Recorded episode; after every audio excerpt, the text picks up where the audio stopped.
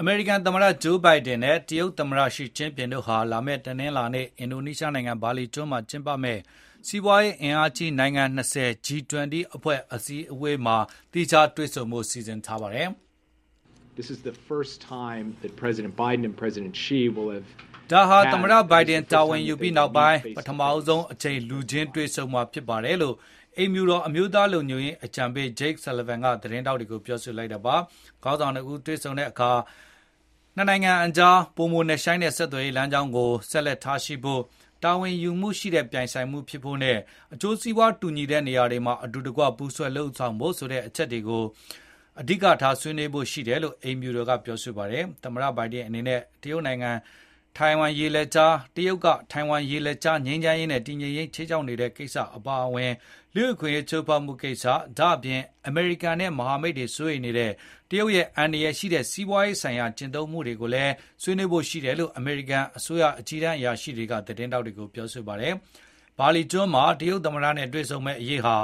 သမ္မတဘိုင်ဒန်အာဏာရလာခဲ့တဲ့2021ခုနှစ်နောက်ပိုင်း ပထမဆုံးအချိန်လူချင်းတွေ့ဆုံမှာ ဖြစ်ပါတယ်။သမ္မတနှစ်ဦးဟာ ပြီးခဲ့တဲ့ ဇူလိုင်လထဲမှာ နောက်ဆုံး ဆက်သွယ်စကားပြောခဲ့တာ အပါအဝင်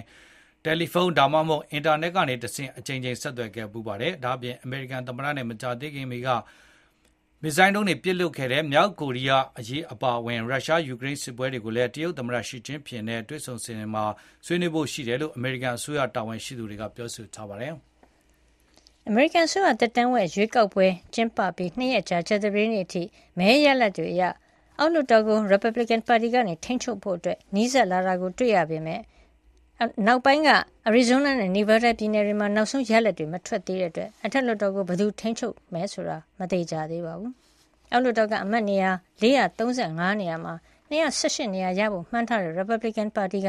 အမတ်နေရာ209နေရာအတွက်နိုင်ထားတာဖြစ်ပြီး ဒီမိုကရက်တွေက192နေရာနိုင်ထားတာပါ။မဲတွေရေတွက်နေဆဲဖြစ်တဲ့အတွက်ကြံ34နေရာအတွက်မသိရသေးပါဘူး။ January လွှတ်တော်စတင်ချိန်မှာအောက်လွှတ်တော်ကို Republican တွေလွှမ်းမိုးနိုင်မယ်လို့ရွေးကောက်ပွဲမတိုင်ခင်ခန့်မှန်းထားပေမဲ့ထင်သလောက်ဖြစ်မလာတဲ့အတွက် Republican တွေကစိတ်ပျက်ကြောင်းပြောနေချိန်မှာသူတို့ပါတီအောက်လွှတ်တော်မှာထိန်းချုပ်နိုင်မယ်လို့ယုံကြည်ထားဆဲဖြစ်ပါတယ်။တကယ်လို့အောက်လွှတ်တော်မှာ Republican တွေကြီးစိုးလာမယ်ဆိုရင်တော့လက်ရှိ Democrat တွေထိန်းချုပ်ထားတဲ့အောက်လွှတ်တော်က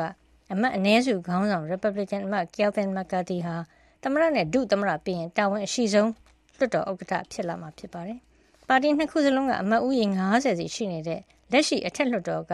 အမတ်နေရာ100မှာတော့အခု Republican တွေက49နေရာနိုင်ပြီး Democrat တွေက48နေရာနိုင်ထားတာပါ။အထက်လွှတ်တော်အတွက်ကျန်နေရာ3ခုမှာ Arizona ပြည်နယ်မှာ Democrat ကတာတယ်လို့ Nevada မှာတော့ Republican ဘက်ကအသာစီးရနေပါတယ်။ဒါပေမဲ့ဂျော်ဂျီယာပြည်နယ်မှာတော့ပါတီကြီးနှစ်ရပ်စလုံးကသူမသားကိုမသားရှိနေတဲ့အတွက် လာမယ့်ဒီဇင်ဘာ6ရက်ကျင်းပမယ့်ဒုတိယကျော့ရွေးကောက်ပွဲရလဒ်ကအရေးပါနေတာဖြစ်ပါတယ်။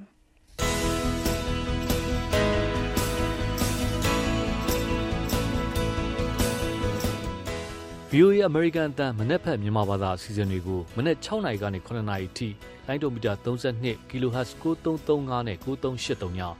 လိုင်းဒိုမီတာ49 kHz 6153ည ပထမနာရီဝက်မှာလိုင်းလံမီတာ190 kHz 1505တို့ကနေပြီးတော့ထုတ်လွှင့်ပေးနေပါတယ်ခင်ဗျာ VOA ရဲ့တောက်ကြနေမနေ့ဖက်သတင်းတွေကိုဆက်လက်တင်ပြပေးပါအောင်မယ်ကမ္ဘောဒီးယားနိုင်ငံမှာဒီသတင်းပတ်နှောင်းပိုင်းကျင်းပမဲ့အမေရိကန်နဲ့အာဆီယံထိပ်သီးအစည်းအဝေးမှာအ မေရိကန်သမ္မတဂျိုးဘိုင်ဒန်နဲ့နိုင်ငံခြားရေးဝန်ကြီးအန်တိုနီဘလင်ကင်တို့မြန်မာအရေးအပါအဝင်ဒေသတွင်းနဲ့နိုင်ငံတကာကိစ္စတွေကိုဆွေးနွေးမှာဖြစ်ကြောင်းအမေရိကန်နိုင်ငံခြားရေးဝန်ကြီးဌာနကပြောဆိုပါတယ်။ Secretary will reaffirm our partnership with ASEAN and support for အမေရိကန်သမ္မတနဲ့နိုင်ငံခြားရေးဝန်ကြီးတို့ဟာအာဆီယံနဲ့မိတ်ဖက်ဆက်ဆံရေးနဲ့အာဆီယံရဲ့အချက်အချာချမှုကိုထပ်လောင်းခိုင်မာအောင်လုပ်မှာဖြစ်တယ်လို့မြန်မာနိုင်ငံမှာဆက်လက်ကြုံတွေ့နေရတဲ့လူသားချင်းစာနာမှု လူအခွင့်အရေးအကြက်အတဲတွေအပါအဝင်ဒေသတွင်းနဲ့နိုင်ငံတကာစိန်ခေါ်မှုတွေကိုလည်းဆွေးနွေးမှာဖြစ်ပါတယ်လို့နိုင်ငံခြားရေးဝန်ကြီးဌာနပြောခွင့်ရ Ned Price ကဂျာတာပတိနေ့သတင်းစာရှင်းလင်းပွဲမှာပြောဆိုသွားတာဖြစ်ပါတယ်။နိုဝင်ဘာလ12ရက်နဲ့13ရက်နေ့တွေမှာကျင်းပမယ့်အမေရိကန်အာဆီယံနဲ့အရှေ့အာရှထိပ်သီးအစည်းအဝေးမတိုင်ခင်ဖနန်ပင်မြို့မှာအာဆီယံခေါင်းဆောင်တွေဂျာတာပတိနေ့မှာစတင်တွေ့ဆုံကြပါတယ်။ မြန်မာနိုင်ငံမှာပြီးခဲ့တဲ့ဖေဖော်ဝါရီလစစ်တပ်ကအာဏာသိမ်းပြီးနောက်ပိုင်းနိုင်ငံရေးအကြပ်အတည်းတွေကိုဖြေရှင်းဖို့အာဆီယံဘုံသဘောတူညီချက်900ချမှတ်ထားပေမဲ့လည်းပူးပေါင်းဆောင်ရွက်မှုမရှိဘူးဆိုပြီးမြန်မာစစ်ကောင်စီတာဝန်ရှိသူတွေကိုအာဆီယံထိပ်သီးအစည်းအဝေးကိုဖိတ်မထားပါဘူး။အာဆီယံအနေနဲ့မြန်မာအရေးမှာဒီထက်ပိုပြီးထိရောက်အောင်ကင်တွယ်ဖို့တိုက်တွန်းမှုတွေထွက်ပေါ်နေပါတယ်။အာဆီယံနဲ့ဆက်ဆက်အစည်းအဝေးတွေမှာတော့မြန်မာအရေးအပြင်ယူကရိန်းပေါ် ရုရှားကျူးကျော်စစ်တောင်တရုတ်ပင်လယ်ပြင်ဆိုင်ရာအငင်းပွားမှုကိုဗစ်ကာလပြန်လည်ထူထောင်ရေးနဲ့ကုန်သွယ်ရေးနဲ့ရာသီဥတုဖောက်ပြန်မှုတွေကိုရင်ဆိုင်ဖို့ကိစ္စတွေကိုဆွေးနွေးကြမှာဖြစ်ပါတယ်။